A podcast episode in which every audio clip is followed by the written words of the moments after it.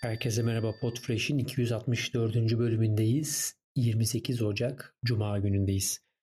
Yine bir Spotify haberi, yine bir Joe Rogan haberiyle beraberiz.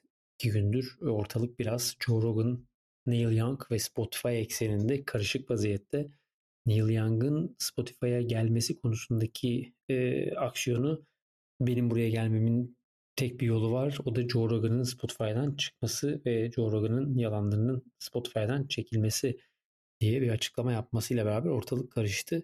Neil Young e, aktivist bir hareketle özellikle Joe Rogan'ın çok şikayet edilen e, yanlış bilgilendirme ve özellikle Covid ile ilgili yanlış bilgilendirme ve yanlış yönlendirmelerini e, hem aslında protesto etti hem de kendi müziklerinin ancak e, temiz bir platformda olabileceği konusunda bir mektup yayınladı. Kendi sitesinde bunu yayınladı. Ama ardından aslında e, sosyal medyada ortalık biraz karıştı. Neil Young'ın nispeten daha orta ve e, yaşlı bir kitleye hitap ettiği söylendi. Ciddi bir linç kampanyası başladı. Neil Young tarafları, taraftarları bir yandan Spotify'dan e, çıkma ve Spotify aboneliklerini iptal etmeye başlarken ve bunun e, e-maillerini paylaşırken hashtaglerle tam tersi tabii ki Joe Rogan taraftarlarından da gelmeye başladı. Daha evvel Spotify kullanmayanlar Spotify aboneliği yapmaya başladılar ve Joe Rogan'ı savunmaya başladılar. Ortalık gerçekten ciddi bir anlamda karıştı. Dün herkes Spotify'ın hangi hareketi alacağı ve Neil Young mı Joe Rogan mı tercihini beklerken Spotify çok da şaşırtmayan bir şekilde aslında Joe Rogan'ı tercih etti. Ve Joe Rogan'a devam ettiklerinin e, bildirisini yaptılar. Hatta bugün iyice linç kampanyası büyüyünce yaklaşık 2000'e yakın içeriğin kaldırıldığı gibi bir haber paylaşmışlar. Ee, ama tabii burada da en son Pod News'da e, ve Hotpot'ta aslında bu haberin bir karşılığı vardı. E, bu içeriklerin neye göre kaldırıldığının çok da net bir açıklamasının olmadığı söyleniyordu. Hatta internette şu an birçok kişi Spotify'ın kendi Covid-19 ile ilgili misinformation e, başlığı altında hangi tür içeriklerin aslında bir e, yanlış bilgilendirme, hatalı bilgilendirme ya da bile bile farklı ve hatalı bilgileri verme konusunda e, uyarısı olduğu ve kuralları olduğunu e, inceliyorlar ve böyle bir kural seti bulamadıklarından bahsediyorlar. Dolayısıyla ortalık biraz karışık. E, açıkçası çok şaşırtmayan bir hareket. E, 100 milyon dolar gibi bir rakama Spotify, Joe Rogan'ı daha evvel böyle controversial içerikler yayınını bile bile almış bir şirket.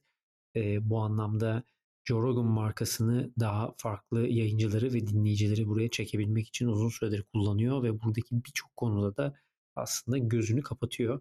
Dolayısıyla Neil Young'ın hareketinin sonunda e, Joe Rogan'ın buradan ayrılmasını ya da gönderilmesini açıkçası beklemiyorduk. Ama bence yine de günün sonunda bu hareket bir farkındalık açısından da e, kötü oldu mu derseniz bence kötü olmadı. E, bu arada Sirius XM'de bu karmaşadan faydalanıp Neil Young'ın arşivlerini radyoda tekrardan yayınlamaya başladığını da bildirmiş.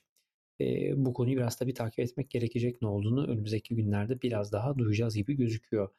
E, şimdi bir başka konu Podcast Co'dan geliyor. Önceki gün gene Podcast Co ile ilgili bir haber vermiştik ama bu sefer farklı. E, Podcast Co'nun kurucuları dan biri e, aynı zamanda aslında Matchmaker FM ve Radio Co'nun da kurucusu e, James Mulvaney. E, Podcast Co'yu İngiltere bazlı Podcast Co'yu aslında ikiye bölmüş. Create.co adıyla yeni bir e, branding oluşturmuş ve burayı İngiltere'de tamamen bir prodüksiyon evine çevirip e, markalara özel e, markalı içerikler üretmek için kullanmaya başlayacakmış. E, Podcast Co bildiğiniz üzere bir hosting e, şirketi Aynı zamanda da daha belki yayında bahsetmiştim. Yeni podcast'e başlayacaklar için çok iyi aslında YouTube'da ve diğer kanallarda içerikler üretiyorlar. Ama CreateCo ile de tamamen markalı içerikleri yapacaklarını belirtmiş. Ee, aslında audio üretmek için, sesli içerikler üretmek için çok heyecanlı verici bir zaman olduğunu, piyasanın biraz da kalabalık olduğundan bahsetmiş Malavani.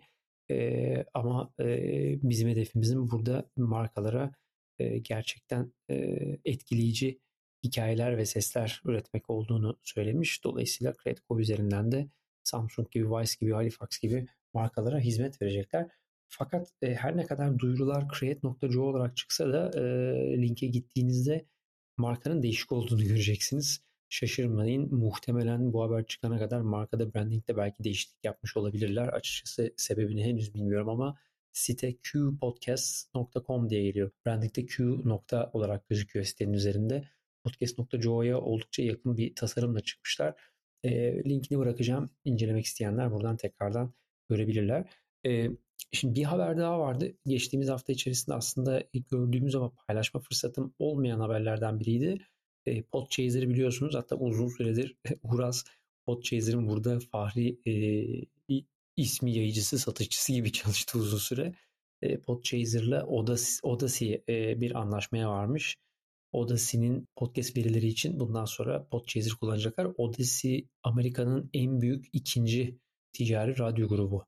Aynı zamanda podcast markaları Cadence 30 ve Pineapple Studios gibi çok kıymetli içerikler üreten iki podcast stüdyosunda sahipleri. Aynı zamanda reklam dağıtımı gerçekleştiriyorlar. Podchaser'ın verisinde markalarına reklam dağıtımı gerçekleştirirken ekstra veriler kullanabilmek adına kullanacakmış. Bu noktada da e, şirketin Vice President'ı Ken Lagana'nın da bir açıklaması olmuş. ve Bizim için çok faydalı olacak ve bu verilerle çok daha farklı çalışmalar gerçekleştirebileceğiz diye e, bunun linkini yine paylaşıyor olurum sizlerle.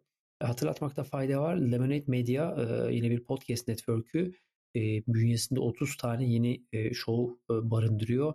8 milyon dolarlık bir funding raise etmiş.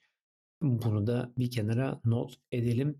Bu haftalık aslında haberlerimiz bu kadar. Önümüzdeki hafta tekrar görüşmek üzere. Herkese keyifli hafta sonları diliyorum.